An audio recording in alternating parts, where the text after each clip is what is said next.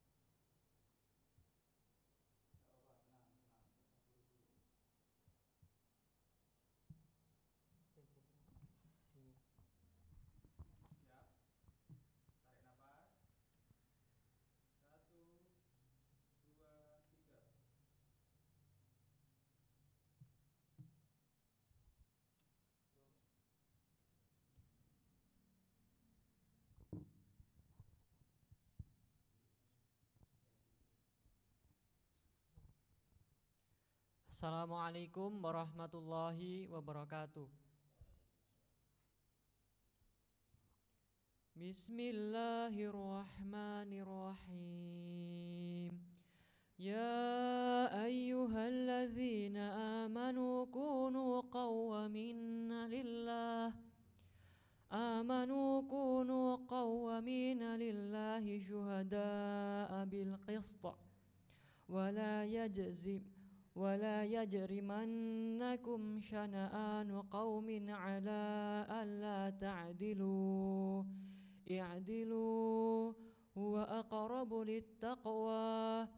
واتقوا الله إن الله خبير بما تعملون. وعد الله الذين آمنوا وعملوا الصالحات لهم وعملوا الصالحات لهم مغفرة وأجر عظيم. صدق الله العظيم.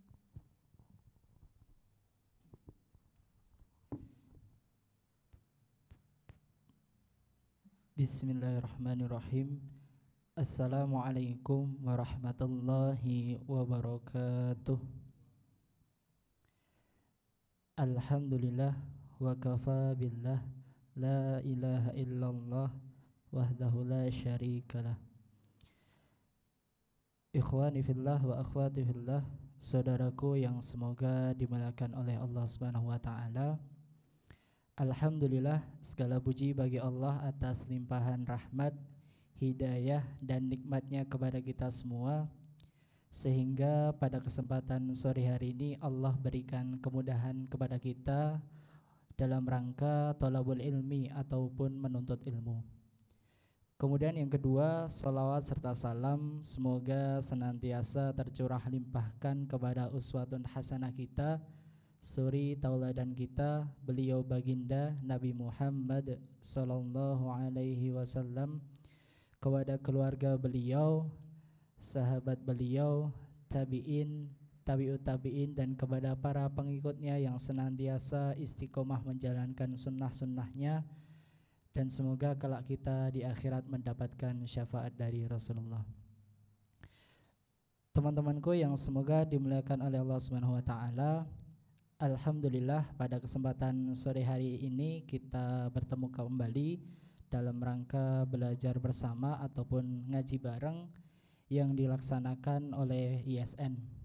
Nah, bagi teman-teman yang belum mengetahui ISN itu apa, jadi ISN itu adalah Indonesia Syiar Network yaitu sebuah uh, komunitas dakwah yang bergerak di bidang dakwah, komunitas yang bergerak di bidang dakwah uh, bersifat volunteering dan non profit. Nah, kemudian bagi jamaah yang sekiranya uh, pengen berpartisipasi ataupun mau support baik itu dana, tenaga, pikiran, jasa, teman-teman uh, bisa menghubungi call center ISN yang dapat teman-teman temui di Instagram ISN underscore Solo seperti itu. Kemudian yang ketiga jangan lupa untuk uh, selalu setia, selalu standby dengan channel ISN baik itu di Instagram uh, ISN underscore Solo dan YouTube yaitu Sahabat Jannah. Uh, teman-temanku yang semoga dimuliakan oleh Allah Subhanahu Wa Taala, uh, pada kesempatan sore hari ini kita akan melanjutkan uh, kajian kita yaitu ngaji bareng uh, kita melanjutkan hadis Arba'in Nawawi, hadis yang ke-33 dan alhamdulillah beliau Ustadz Muhammad Usman telah hadir di tengah-tengah kita. Uh, Assalamualaikum Ustadz. Uh, bagaimana kabarnya Ustadz hari ini? Alhamdulillah, khair walafiat, sehat alhamdulillah. Alhamdulillah. Uh, sore hari ini tadi Ustadz uh, kan di jalan sempat hujan ataupun mungkin mendung dan sebagainya. Nah, tadi Ustadz uh, ini dari rumah atau kebetulan dari tempat kerja Ustadz? Alhamdulillah kita dari rumah langsung untuk spesial di Indonesia Share Network gitu. Alhamdulillah. Nah, uh, tadi Ustadz uh, dari rumah uh, sempat hujan juga itu tidak uh, menyurutkan semangat Ustadz untuk ya memberikan materi ataupun menyampaikan ilmu di kajian ISN ini. Nah, semoga kita bisa selalu bisa mencontoh ya Ustadz uh, meskipun itu hujan ataupun angin ataupun dan sebagainya kita tetap semangat uh, wabil khusus untuk hadir dalam rangka tolabul ilmi ataupun menuntut ilmu uh, mungkin uh, langsung aja Ustadz uh, kajiannya bisa dimulai hadis yang ke-33 Arba'in Nawawi uh, kepada beliau Ustadz Muhammad Usman kami persilahkan tafadhol Bismillahirrahmanirrahim. Assalamualaikum warahmatullahi wabarakatuh. Innal hamdalillah nahmaduhu wa nasta'inuhu wa nastaghfiruh wa na'udzu billahi min syururi anfusina wa min sayyiati a'malina. May yahdihillahu fala mudhillalah wa may yudlil fala hadiyalah. Asyhadu an la ilaha illallah wahdahu la syarika lah wa asyhadu anna Muhammadan 'abduhu wa rasuluhu la nabiyya ba'dah. Subhanaka la ilma lana illa ma 'allamtana innaka antal alimul hakim. Rabbi syrah li sadri wa yassir li amri wahlul 'uqdatam min lisani yafqahu qawli. Allahumma salli wa sallim ala sayyidina Muhammadin nuri kasari wa madadikal jari wajma'ni bihi fi kulli atwari wa ala alihi wa sahbihi nur amma ba'du. Ikhwani ikhwati rahimakumullah, marilah kita awali kajian saat ini dengan membaca hadisnya Rasul kita Muhammad sallallahu alaihi wasallam yang tercantum dalam kitab Arba'in Nawawiyah hadis yang ke-33 untuk itu kita bahas sedikit al-hadithu salisu wa Thalathun hadis yang ke-33 kita baca bersama. An Ibni Abbasin radhiyallahu anhuma anna Rasulullah sallallahu alaihi wasallam qala لو يعطى الناس بدعواهم لدعا رجال أموال قوم ودماءهم لكن البينات على المدعي واليمين على من أنكر حديث حسن رواه البيحاكي وغيره هكذا وبعضه في صحيحين Ikhwani rahimakumullah dalam hadis yang ke-33 ini eh, yang kita tahu dari sanad yang bersambung kepada Rasulullah dari uh, Abdullah bin Abbas radhiyallahu anhu radhiyallahu anhuma. Apa bedanya radhiyallahu anhu sama radhiyallahu anhuma? Yang kemarin pernah kita bahas. Kalau di sini keti- ketika disebutkan Ibnu Abbas Abdullah bin Abbas itu dua-duanya orang yang luar biasa. Abbas adalah pamannya Rasulullah Abbas bin Abdul Muttalib. Abdullah bin Abbas adalah anak dari pamannya Rasulullah. Makanya disebutkan dua-duanya ini luar biasa termasuk sahabat radhiyallahu anhuma. Bersama mengetahui Rasul kita Muhammad sallallahu alaihi wasallam. Anna Rasulullah sallallahu alaihi wasallam qal sesungguhnya Rasulullah sallallahu alaihi wasallam ini bersabda lau yu'tan nasu apabila dikasih oleh Allah oleh manusia bidakwahum dengan kedakwaannya atau pengakuannya. Ladda'a rijalun niscaya manusia orang-orang itu akan mengaku amwala qaumin apa mengakui apa harta-harta suatu kaum wa dima'ahum dan juga akan menghalalkan segala caranya yaitu pertumpahan darah. Maksudnya di sini bahwasannya perlu adanya hakim ataupun orang yang menjadikan eh, memutuskan suatu perkara ataupun di situ harus adanya saksi-saksi. Lakinil bayyinatu namun bayyinah ataupun saksi ataupun keterangan yang jelas alal mudda'i itu hak bagi orang yang terdakwa. Wal yaminu alaman angkar dan sumpah bagi orang yang mengingkari. Jangan sampai kita ini ngaku-ngaku. Kalau bukan punyanya kalau bukan miliknya jangan sampai kita ini mengatakan ini adalah milikku. Kalau nanti diketahui oleh orang lain itu bukan miliknya maka kita termasuk orang yang apa merebut hak orang lain. Lah di situ akan ada bayinah ataupun ada salah satu bukti bukti kepemilikannya ataupun saksi-saksi yang eh, menunjukkan atas kepemilikannya tersebut. Eh, Dalam hal ini ini kita semuanya harus ekstra hati-hati ikhwan-ikhwan semuanya. Di akhir zaman ini banyak syahadatuz zur. Orang-orang yang bersaksi palsu demi apa? Demi salah satu tujuan duniawi, baik itu harta duniawi ataupun itu masalah pangkat derajatnya ataupun itu masalah kedudukannya. Menghalalkan segala cara bahkan sampai menumpahkan darahnya hanya untuk apa? Memiliki hal yang tadi, memiliki hal yang sepele tadi. Gitu ya. Mas Khairul. ya? Mas Khairul. Inilah salah satu bukti akhir zaman ternyata yang dikatakan Rasulullah sudah terbukti ya. Sudah terbukti ya, luar, luar, luar biasa. Maka dari itu untuk mengantisipasi itu apa? Ini kita perlu cross check sedikit. Kita itu ternyata perlu belajar terus. Kalau tadi masalah harta kekayaan itu dikasihkan oleh Allah kepada siapa saja, ada salah satu hadis itu mengatakan bahwasanya Allah itu eh, arizqa yu'tihallahu rizqa liman yuhib wa man la yuhib. Allah itu akan memberikan rizki kepada siapa saja yang dicintai ataupun kepada siapa saja yang tidak dicintai. Luar biasa. Jadi orang yang dicintai Allah dikasih rizki, orang yang tidak dicintai Allah dikasih rezeki. Semuanya di- dikasih. Tidak pandang pilih. Entah itu orang kaya, orang mukmin, orang muslim, orang kafir semua dikasih. Masalah rezeki loh ya. Masalah rezeki. Masalah rezeki dikasih semuanya. Masalah apa? Jabatan dikasih. Coba sampai ada kalau dalam Al-Qur'an kita tahu nanti banyak eh, orang-orang yang tidak beriman kepada Allah tapi dikasih jabatan, dikasih kedudukan yang sangat berpengaruh di masyarakat. Siapa kira- kira-kira? Firaun, Namrud, Korun. Oh itu dikasih semuanya. Ini bukti bahwasanya ternyata rezeki itu dikasihkan oleh Allah kepada siapa? Siapa, siapa saja. saja Ustaz. Jadi Enggak Ah, orang beribadah dikasih, orang yang beribadah ya Ya dikasih. ya dikasih. Itu.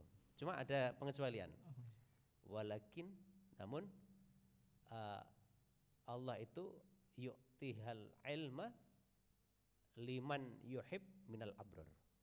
Tapi Allah tidak akan memberikan ilmu kecuali kepada orang-orang yang dicintai dari orang-orang ataupun hambanya yang abror, yang sangat terpilih, yang sangat mulia. Kalau rezeki diberikan kepada siapa saja, tidak pandang beriman atau tidak, tidak pandang itu dia muslim atau kafir, tidak pandang itu eh, orang punya pangkat derajat atau tidak, tapi kalau ilmu dikasihkan kepada siapa? Kepada hambanya yang dicintai. Nah, seperti itu. Makanya hati-hati kita semuanya ini kalau eh, melihat ada orang yang berilmu, kita ekstra hati-hati. Berarti apa? Orang ini pilihan Allah. Nah, siapa orang yang berilmu? Ulama. Ulama. Ulama jelas, ulama. Karena ilmu yang mendekatkan diri kepada Allah hanyalah ilmunya ula, Ulama. ulama seperti itu. Ini sungguh istimewa dari hadis-hadisnya Rasulullah. Lah di sini kalau berkaitan masalah harta kekayaan, memang harta bisa dicari, pangkat bisa, derajat, jabatan bisa, Dicari. bisa dicari. Kalau ilmu, ilmu kira-kira cari di mana? Ada salah satu coach, coach itu, coach itu mas, Eh, Eh, kata mutiara. kata mutiara lah. Ini kata yang penuh hikmah gitulah. Iya. Kita belajar itu ada batasnya enggak? Tidak ada. Tidak ada batas waktunya. Kapan pun bu, Boleh. boleh. Di mana pun bu, Boleh. boleh. Ternyata istilah kita belajar itu ta- tidak ada kata terlam, Terlambat. terlambat. Orang-orang seperti itu ya. Iya, Ustaz. Tapi subhanallah di saat ini kita bisa koreksi. Eh, kita bisa terlambat menuntut ilmu. Kapan itu? Ketika orang yang berilmu diambil oleh Allah Subhanahu wa taala. Hmm. Nah, makanya hati-hati. Kita terlambat menuntut ilmu ketika hambanya Allah yang namanya ulama sudah dipanggil oleh Allah. Kenapa kita terlambat? Ya kita tidak bisa belajar sama beliau. Nah, di akhir tahun 20 2020 ini ya. Coba antum eh, bisa koreksi. Dari Sabang sampai Merauke Nusantara ini berapa banyak ulama kita yang meninggal dunia. Nah di situ kita sudah terlambat tidak bisa ketemu beliau, kita tidak bisa belajar sama beliau. sama beliau. Makanya eh, belajar itu tidak ada kata terlambat. Kapan terlambatnya? Ketika para Para ulama, ulama sudah mening Meninggal. meninggal. Makanya ekstra hati-hati generasi muda. Ikhwan semua asap ISN, volunteer ISN dan teman-teman semuanya. Aduh, repot ini. kita sekarang terlambat. Terlambatnya siapa? Sudah banyak para kiai kita, baik kita, orang-orang soleh di antara kita, ustadz-ustadz kita yang sudah dipanggil oleh Allah. Akhirnya apa? Kita tidak bisa belajar sama beliau. Berarti kita sudah terlam Terlambat. terlambat. Kenapa dulu waktu masih eh, dekat sama beliau tidak mau belajar? Nah, di situ. Ini menunjukkan Rasulullah dalam hal ini sebenarnya apa? Mengajari kita untuk selalu belajar kepada siapa-siapa. Karena yang namanya harta itu bisa dicari. Eh, apa yang tidak bisa dicari? Dicari. Kalau tadi menurut nasnya Rasulullah itu ilmu hanya diberikan kepada hamba Allah yang yang dicintainya, ya kita berharap bagaimana mendapatkan cintanya Allah. Iya toh? Iya, Ustaz. Bagaimana kita mendapat cintanya Allah? Eh, mungkin dengan eh, Belajar. belajar. Belajar. Nah, belajar dari situ.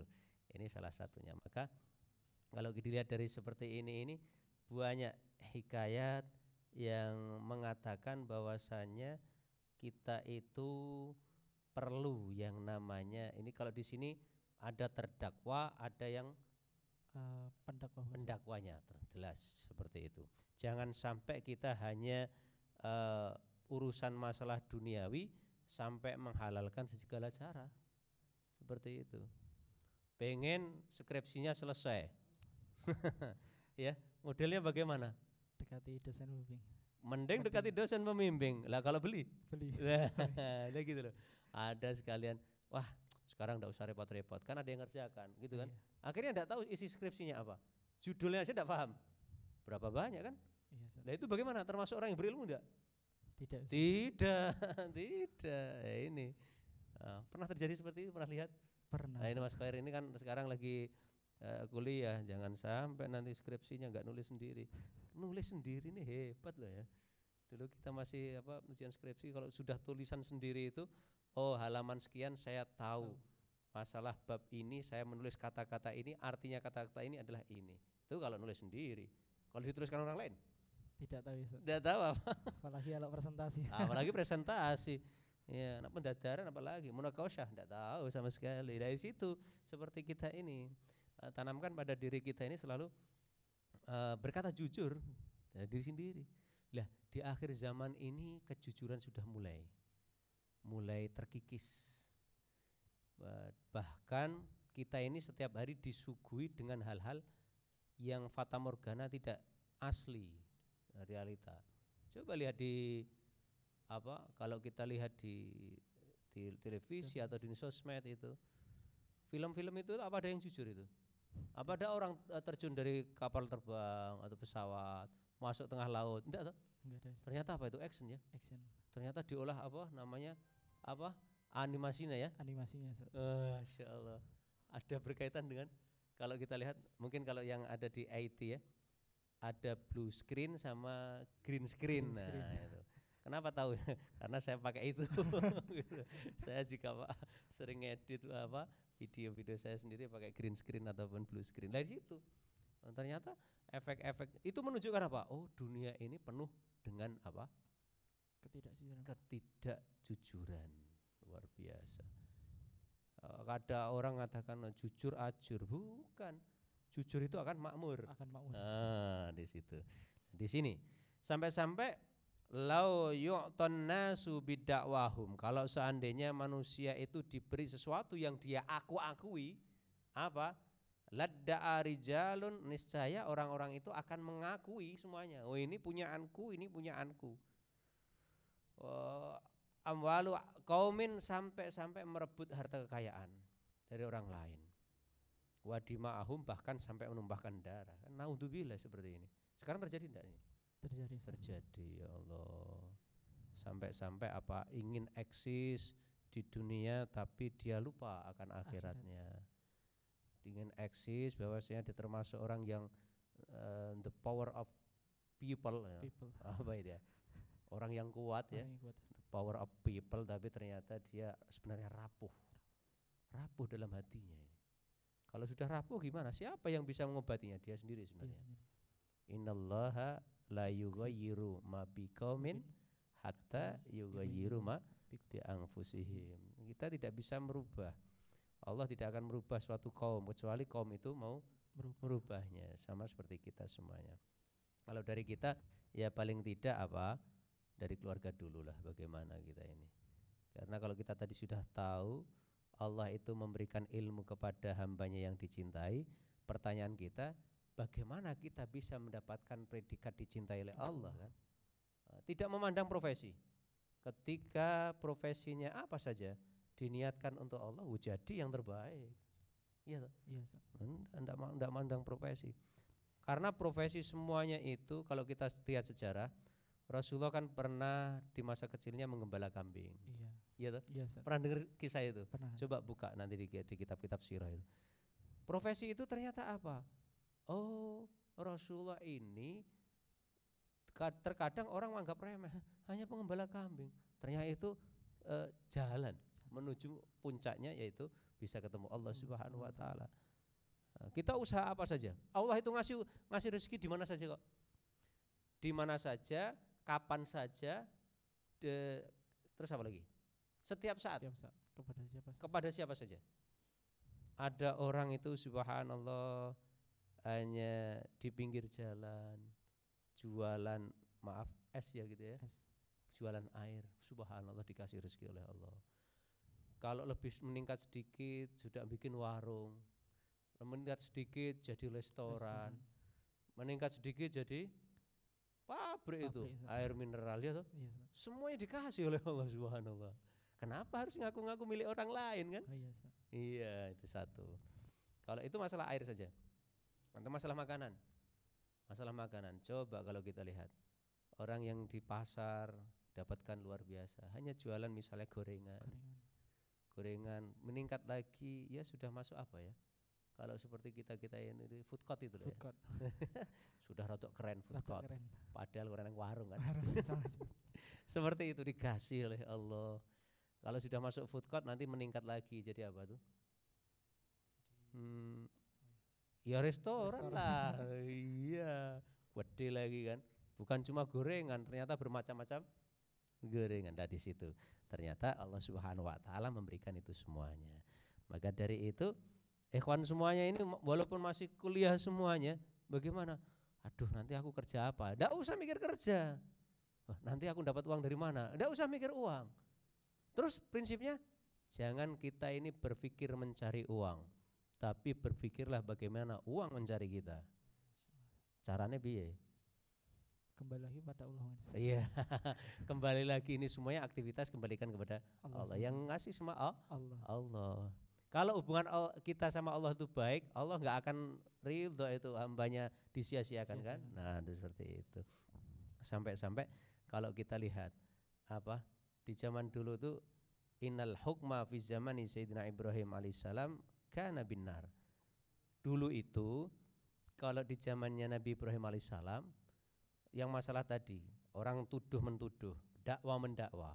Nanti hukumannya di mana? Kalau zaman Nabi Ibrahim dibakar Dibakar. di api. Sampai-sampai Nabi Ibrahim sendiri dima- dimasukkan mana? Masukkan wajan kan? Masuk aja. Dan di situ ada api yang yang luar biasa. Fakanal muhaqqu yadkhulu yadahu fiha fala ghuriqa.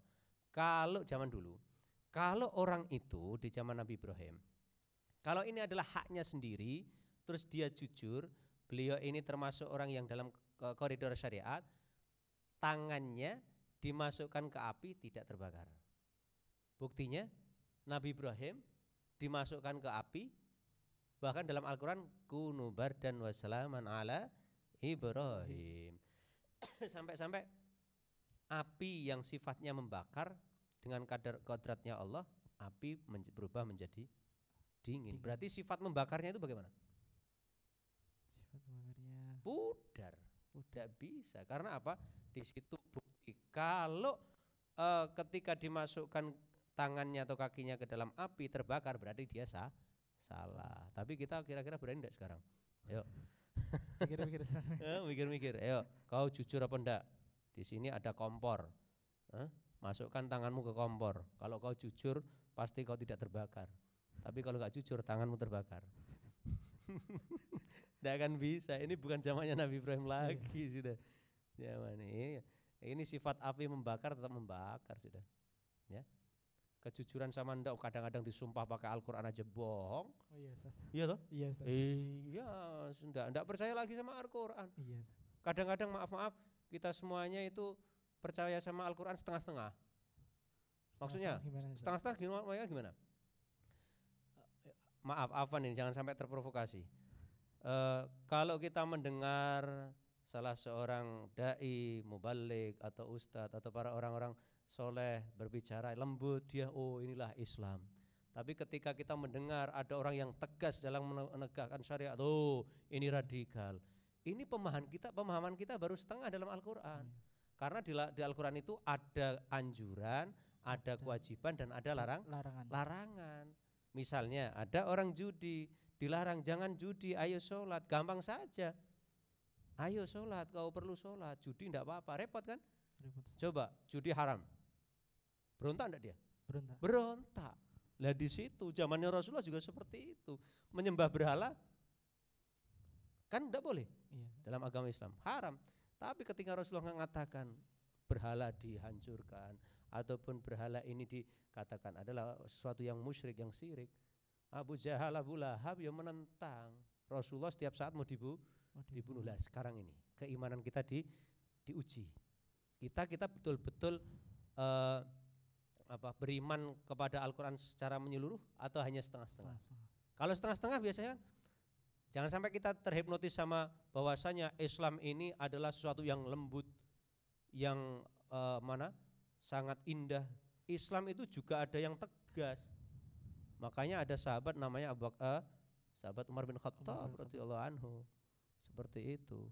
Dan kita memahami Al-Quran jangan setengah separuh-separuh. Kalau setengah-setengah yang mengatakan, oh iya, Eh, dipukul ya enggak apa-apa, dicaci maki ya enggak apa-apa. Dia enggak ingat kalau di dalam Al-Qur'an itu ada yang namanya apa larang Larang. larangan. Ketika kita sudah melarang orang yang bermaksiat, apa yang kita dapatkan? Mungkin Mungkin didogo.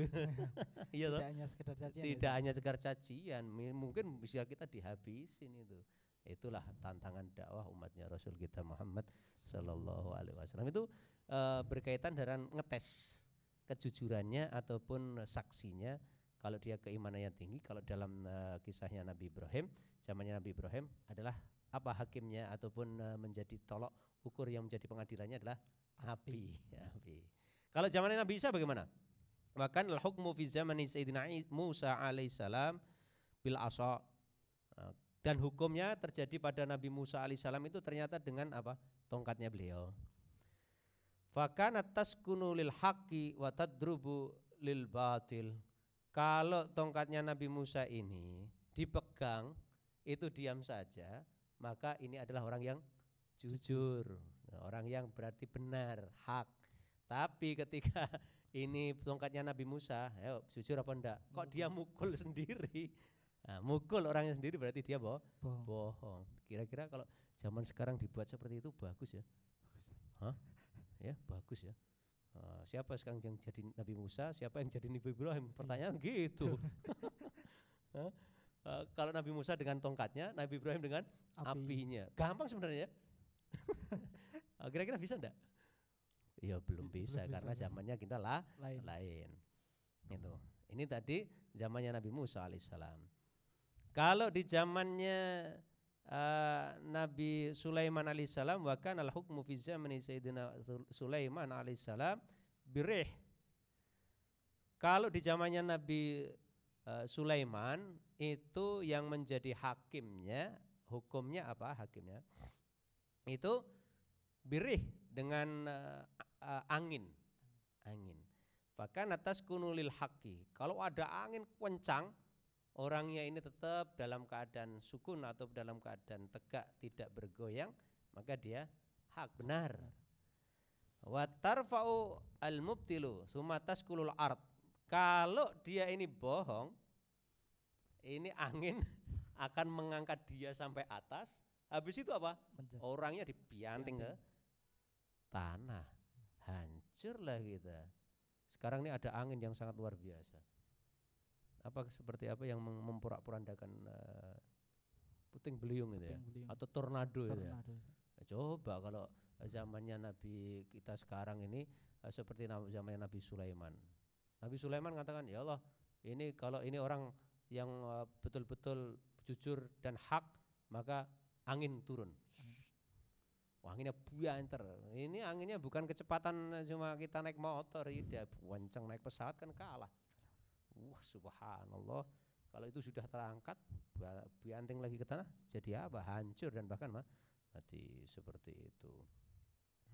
Ini salah satu hal. Ternyata ada yang menguasai api, Api, ada kita ini bisa dihakimi dengan eh, tongkat, tongkat, ada dihakimi dengan apa tadi? angin. Angin.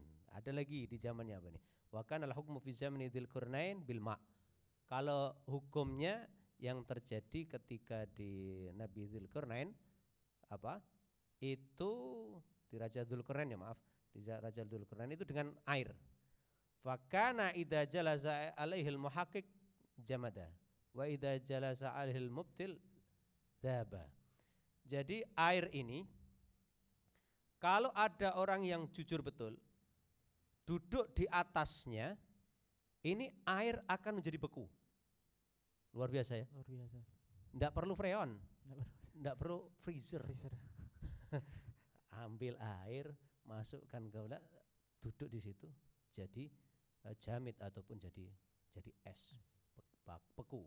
Wa idza jalasa 'alil batil dzaba.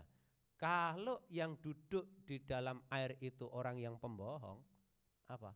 Air ini sudah apa? Keluar sendiri-sendiri, menyebar ke mana-mana. Tidak mau diduduki air. Ini hanya air ya. Ternyata bisa membedakan antara ini yang hak, ada yang ba Batil. batil karena air juga makhluknya Allah. Ya Allah, ternyata kita ini sekarang yang menghakimi kita hanyalah manu- Manusia. manusia. Kalau di zamannya para nabi-nabi dulu ada yang api, ada Nabi Ibrahim ya, Iya. Nabi Musa tong- dengan tongkatnya, terus Nabi Sulaiman dengan angin, anginnya, Raja Dzulkarnain dengan apa? airnya. Airnya. Ini. Dan sekarang kita evaluasi dari hadis yang ke-33 ini. Apa? Ternyata sebelum kita menghakimi orang lain, hakimilah diri sendiri. Seperti itu. Supaya apa? Supaya kita ini tahu akan kebaikan kita, akan evaluasi kita kepada Allah. Eh, enak kok. Kalau kita ini betul-betul di jalur koridornya syariat, kita semuanya ini di jalur koridornya Rasulullah, insya Allah tenang hati.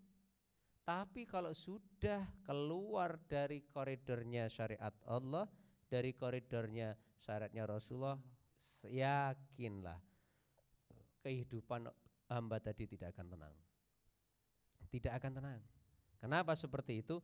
Karena yang bukan miliknya ini adalah milik orang lain. Kalau itu rezeki kita, pasti akan sampai kepada kita. Tapi kalau bukan rezeki kita, pasti tidak akan sampai kepada kita walaupun sudah di mulut. Ada salah satu imam, itu beliau mengatakan dalam kitab Durul Mangdum. Imam Abdullah bin Al-Haddad itu mengatakan alladzi li ghairik lam yasil ilaik waladhi kusim lak hasilun ladaik la yaktsuru hamuk magudir yakun. Itu dalam dalam kitab Durul Mangdum disebutkan di situ. Alladzi li ghairik lam yasil ilaik. Kalau itu bukan rizkimu, lam yasil ilaik, tidak akan sampai kepadamu. Waladhi kusim lak hasilun ladaik, tapi kalau itu sudah bagianmu dan rezekimu, hasilun ladek pasti akan sampai kepadamu. Layak suruh hamuk magudir yakun, maka layak suruh hamuk. Janganlah engkau galau. Magudir yakun sesuatu yang ditakdirkan pasti akan ja, jadi. Enak loh. Enak. Enak, enggak usah rebutan. Enggak rebutan. Hah, rebutan apa? Ada sekarang ini rebutan tanah, rebutan warisan, Warisan. rebutan apa lagi? Jabatan. Jabatan. Kalau jabatan mesti direbutkan. Masih. Kalau nggak direbutkan nggak nggak apa? Kita kurang- nggak gayeng gitu ya. kayang.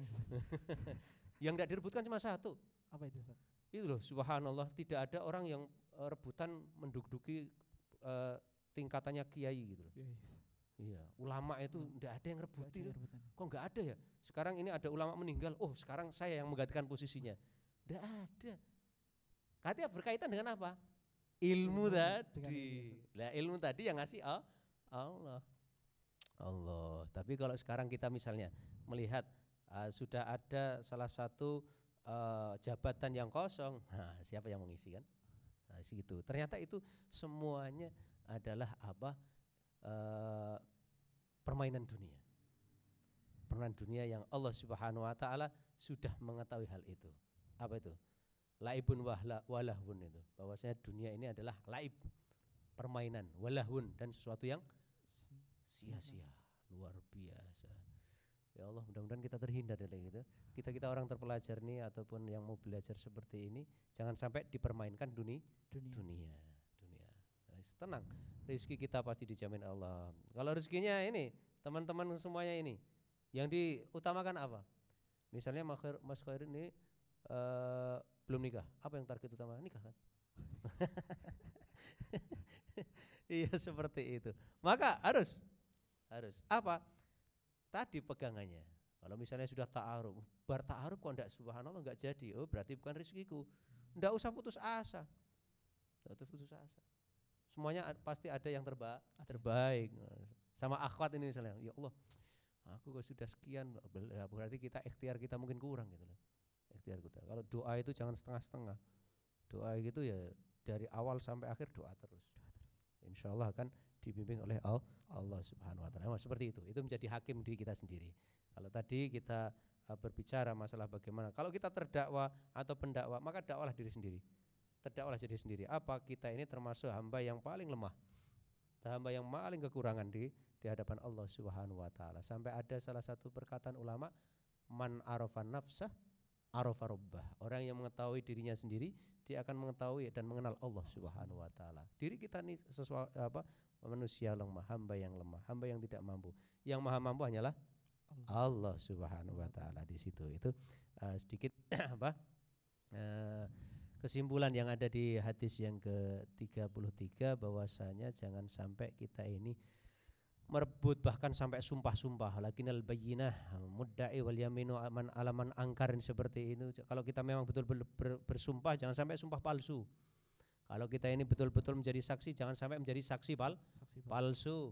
Karena ketika kita bisa membohongi manusia maka saat pengadilan Allah tidak akan ada yang bisa kita bohongkan mulut terkunci lisan yang eh, kita bisa mengomong terkunci nanti perbuatannya yang akan berbicara seperti itu mudah-mudahan Allah Subhanahu wa taala memberikan kita semuanya apa eh, salah satu istiqomah dalam belajar sehingga mendapatkan predikat orang yang dicintai oleh Allah. Allah Subhanahu wa taala. Harta Allah akan mudahkan bagi kita semuanya. Musim semeni apa, pandemi seperti ini Allah mengangkat balak dari kita semuanya kan. Ya. Mudah-mudahan dengan duduk kita semuanya ini Allah mempermudah semua apa yang kita inginkan khususnya belajar kita mendapatkan ilmu yang bermanfaat dari Allah Subhanahu wa taala. Dan tempat ini di studio Duna- 26 ini mudah-mudahan Allah memberikan kucuran rahmat yang luar biasa bagi sahibul bednya, bagi ownernya, bagi kita semuanya dan orang-orang yang belajar di sini ini luar biasa baik secara offline ataupun on Online. online karena yang duduk-duduk sini adalah generasi muda insya Allah yang menjadikan uh, orang-orang yang terbaik baik dirinya, bangsanya ataupun aga, agamanya. Begitu Mas Farudin. Mudah-mudahan Allah Subhanahu wa taala memberikan kita kepahaman yang sempurna dan kita semuanya bisa mengamalkan dari sunnah-sunnahnya Rasul kita Muhammad sallallahu alaihi wasallam. Mungkin seperti itu kurang lebihnya mohon maaf bisa kita lanjutkan interaktifnya. Eh, Masya Allah, eh, jazakallah khairan kepada Ustadz Muhammad Usman yang telah menyampaikan materi kajian Eh, sebuah materi yang sangat berharga Ustadz, eh, sangat mungkin relevan dengan keadaan saat Iya, ini akhir-akhir ini Ustadz. Eh, mungkin untuk menyambung eh, materi tadi Ustadz, Iya. eh, ada beberapa pertanyaan. Mungkin nanti satu pertanyaan terus Iya. Ustadz jawab, terus satu pertanyaan gitu Ustadz. Eh, ini dari teman kita di Instagram Ustadz. Assalamualaikum Ustadz. Waalaikumsalam. Afwan agak melenceng dari pembahasan. Mau bertanya apa dan bagaimana hukumnya menjadi eh, influencer dakwah Islam. Nah, ataupun pendakwah di medsos. Namun sang influencer masih pada tahap belajar juga. Nah, Ya. ketika di eh, online seperti ini kan mungkin eh, bertatap muka kan eh, jarang ataupun bahkan tidak mungkin. Nah, Ya. dari teman-teman memanfaatkan medsos sosial, ya. seperti Instagram, Facebook dan Ah. lain-lain. Nah. Itu eh, hukumnya seperti apa? Karena anak pernah dengar hadis sampaikannya walau hanya satu, Satu ayat. ayat. Nah, Nah, betul, betul. Ya, terima kasih. Eh, kita ini standarnya ataupun kriteria kita menjadi dai itu bagaimana? Ataupun kita berdakwah ini apa syarat-syaratnya seperti itu nanti. Yang penting kita dalam berdakwah ataupun dalam hal eh, memberikan motivasi kepada orang lain atau pada diri sendiri itu kita niatkan belajar. Ketika orang itu eh, berdakwah baik di masyarakat atau di sosial media, maka niatkan kita semuanya ini untuk belajar. Ketika orang itu belajar, man, terus dari belajar itu bagaimana? Ada seorang ulama mengatakan itu eh, sampaikan sesuatu yang pernah engkau lakukan. Misalnya kita pernah sholat duha, maka sampaikan sholat duha. Kalau belum pernah melakukan sholat duha, hindarkan menyampaikan sholat duha. Kenapa? Hambar gitu.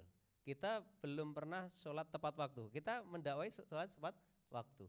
Maksudnya bagaimana? Kita menyampaikan sesuatu itu minimal kita sudah mengamalkan terlebih dahulu. Lah, walaupun hanya satu hadis dua hadis, karena jariahnya luar biasa. Orang yang bisa membaca Al-Quran kan dia pertamanya kan dari alif bata. Lo kriteria bagaimana? Maka yang paling eh, disukai oleh Allah dan Rasulullah itu tidak lain tidak bukan setiap saat belajar dan mengajar. Itu sampai-sampai kan dalam hadisnya khairukum man ta'allamal Qur'an wa 'allama. Sebaik-baik di antara kalian adalah orang yang belajar Al-Qur'an dan mengam- Meng- mengajarkannya seperti itu. Jadi eh sepaham misalnya kita menyampaikan suatu hal yang bukan keahlian kita ya jangan disampaikan. Nanti malah kita kerepotan kecuali kalau kita punya referensi. benar. Oh saya me- me- membahas masalah ini nanti kalau saya tanyakan nggak jujur Imam Syafi'i itu mengatakan ketika ditanyai seseorang dan beliau tidak eh, tahu akan hukumnya beliau mengatakan la adri Aku belum ta Tahu. tahu. Itu. Jangan sampai kita ini sok tahu lah repot. Lewat seperti itu. Uh, bagus lanjutkan uh, dakwahnya di sosial media dengan sebelumnya dengan banyak harus banyak belajar ke, ke, ke segala hal. Baik dari uh, untuk masalah agamanya, untuk masalah sosial kemasyarakatannya harus tahu semuanya. Itu seperti itu. Itu lebih bagus. Dan ada salah satu hadis lagi mengatakan uh, khairun nasi anfa'uhum Linnas. Sebaik-baik di antara kalian yang bermanfaat bagi orang Orang lain. Kalau selagi kita ini bisa bermanfaat bagi orang lain, kenapa tidak? Baik itu di sosial media ataupun di langsung, Langsung. atau apa secara interaktif seperti ini. Tidak perlu kita langsung tatap muka tidak. Sekarang sudah banyak media kan. Makanya apa yang kita tulis itu adalah bentuk isi hati kita dan lisan kita, tapi jangan jangan sampai lupa kita tetap akan dipertanggungjawabkannya. Nah, seperti itu. Kalau kita tidak bisa membuat manfaat baga- bagi orang lain, jangan sampai kita ini membuat kerusakan bagi orang orang lain. lain. Nah, ini salah satu bagus eh, metode, metode dakwahnya. Dia eh, memiliki niatan walaupun menyampaikan satu ayat, maka sampaikan untuk memberikan manfaat bagi orang Orang lain. lain. Seperti itu ya. Seperti itu. Oh, luar biasa.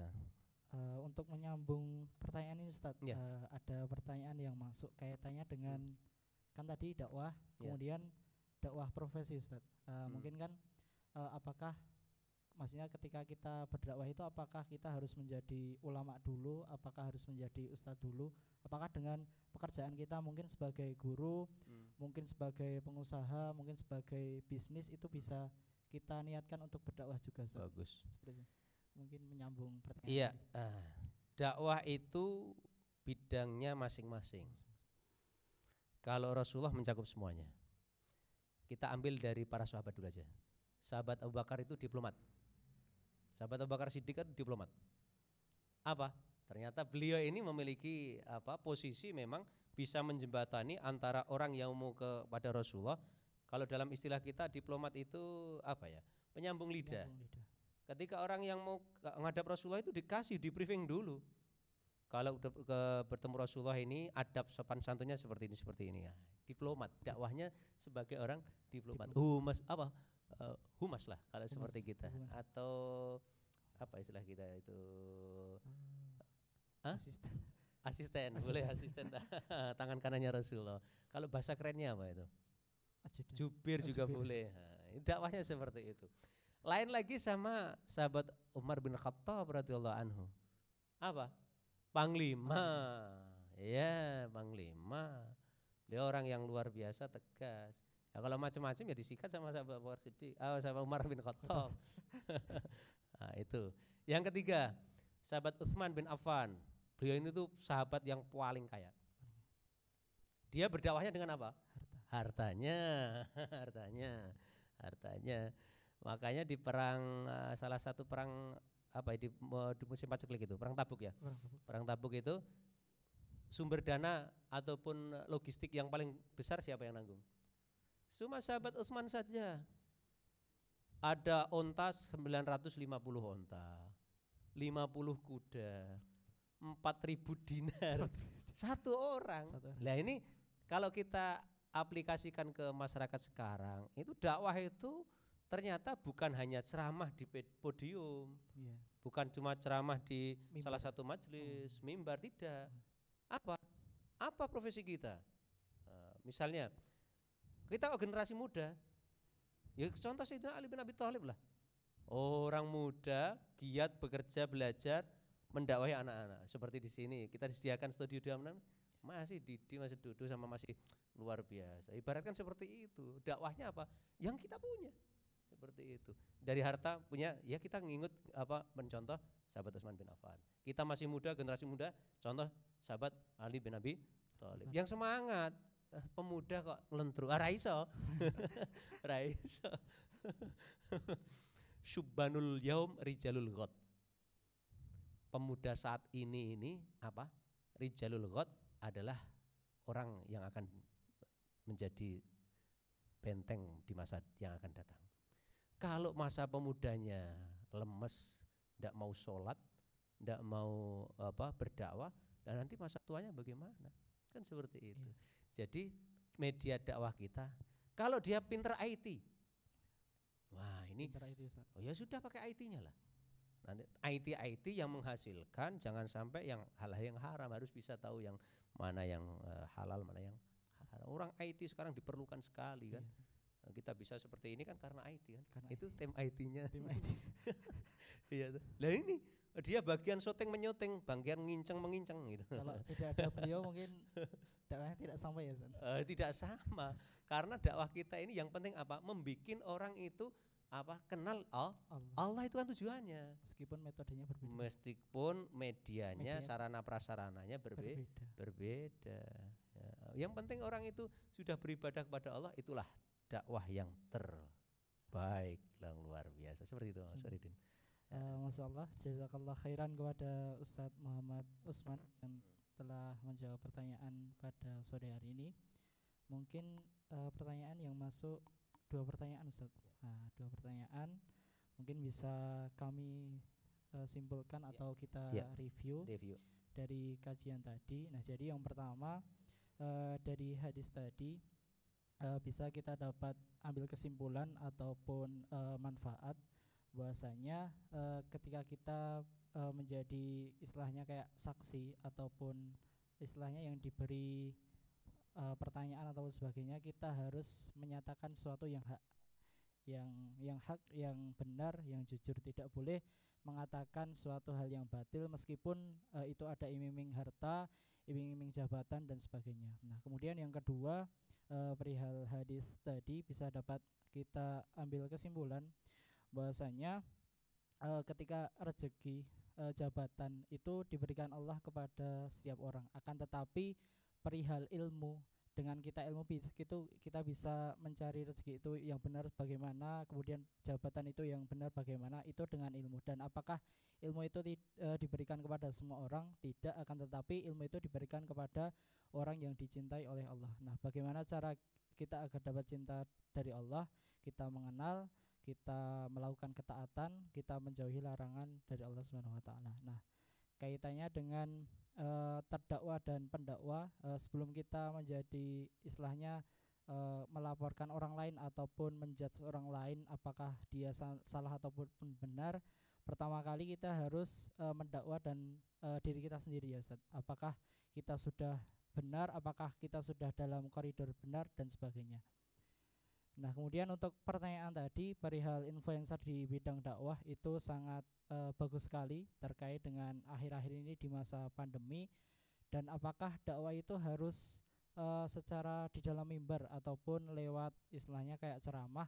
Tidak akan tetapi bisa kita manfaatkan eh, profesi kita juga bisa. Kita eh, metodenya berbeda-beda medianya berbeda-beda.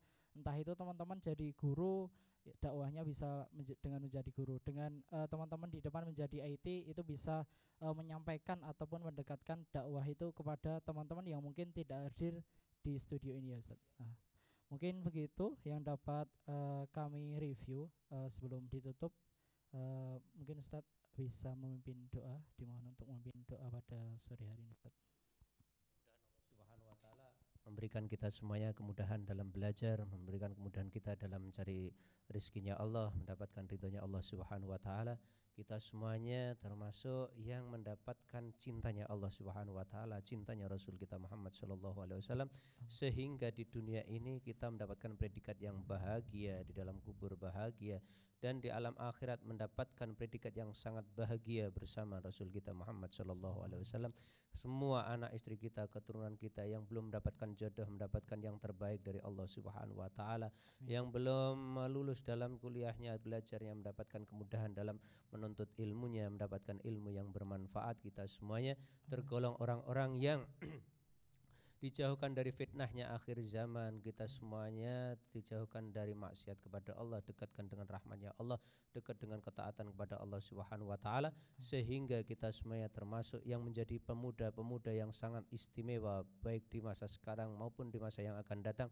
Sehingga Allah Subhanahu wa taala ridho akan kehidupan kita ridho akan semua aktivitas kita ridho akan semua dakwah kita. Dan Allah Subhanahu wa taala memberikan predikat terbaik bagi kita semuanya baik yang hadir di sini atau yang masih online di eh, offline ataupun online di dalam tempatnya masing-masing Allah Subhanahu wa taala memberikan kesempatan kita untuk selalu belajar di setiap saat. Rabbana hab lana min azwajina wa dzurriyyatina qurrata a'yun waj'alna lana imama. Rabbana atina fid dunya hasanah wa fil akhirati hasanah wa qina adzabannar. Wa sallallahu ala sayyidina Muhammadin nabiyil ummi wa ala alihi wasallam. Subhana rabbika rabbil izzati amma yasifun wa salamun alal mursalin walhamdulillahi rabbil alamin. Bisiril Fatihah. أعوذ بالله من الشيطان الرجيم. بسم الله الرحمن الرحيم. الحمد لله رب العالمين. الرحمن الرحيم. مالك يوم الدين. إياك نعبد وإياك نستعين. اهدنا الصراط المستقيم. صراط الذين أنعمت عليهم غير المغضوب عليهم ولا الضالين. آمين. Terima kasih Ustadz Jazakallah khairan uh, kepada Ustadz Muhammad Usman yang telah menyampaikan materi kajian pada sore hari ini. Semoga materi ini menjadi ilmu yang bermanfaat wabil khusus untuk kami yang di sini dan mungkin nanti kami ajarkan kepada teman-teman dan semoga uh, ilmu pada sore ini menjadi amal jariah wabil khusus untuk Ustadz Muhammad Usman. Kemudian yang kedua, jazakallah khairan kepada teman-teman yang setia uh, mengikuti kajian yang dilaksanakan oleh ISN, entah itu secara offline maupun online. Dan yang terakhir, tidak lupa uh, kajian pada sore hari ini uh, difasilitasi oleh Studio 26. Terima kasih, jazakallah khairan kepada Studio 26. Semoga menjadi uh, amal jariah buat Studio 26. Uh, dan yang terakhir uh, jangan lupa teman-teman untuk selalu stay tune uh, sosial media kami ISN di Instagramnya yaitu ISN underscore Solo dan di YouTube yaitu Sahabat Jannah. Mungkin itu yang dapat uh, saya sampaikan sebagai moderator pada sore hari ini. Apabila banyak salah kata dari saya, saya mohon maaf yang sebesar-besarnya. Uh, saya marilah kita tutup kajian pada sore ini dengan doa kafaratul majlis dan hamdalah bersama-sama. Subhanakallahumma wa bihamdika asyhadu an la ilaha illa anta astaghfiruka wa atubu ilaik. Alhamdulillahirabbil alamin. Wassalamualaikum warahmatullahi wabarakatuh.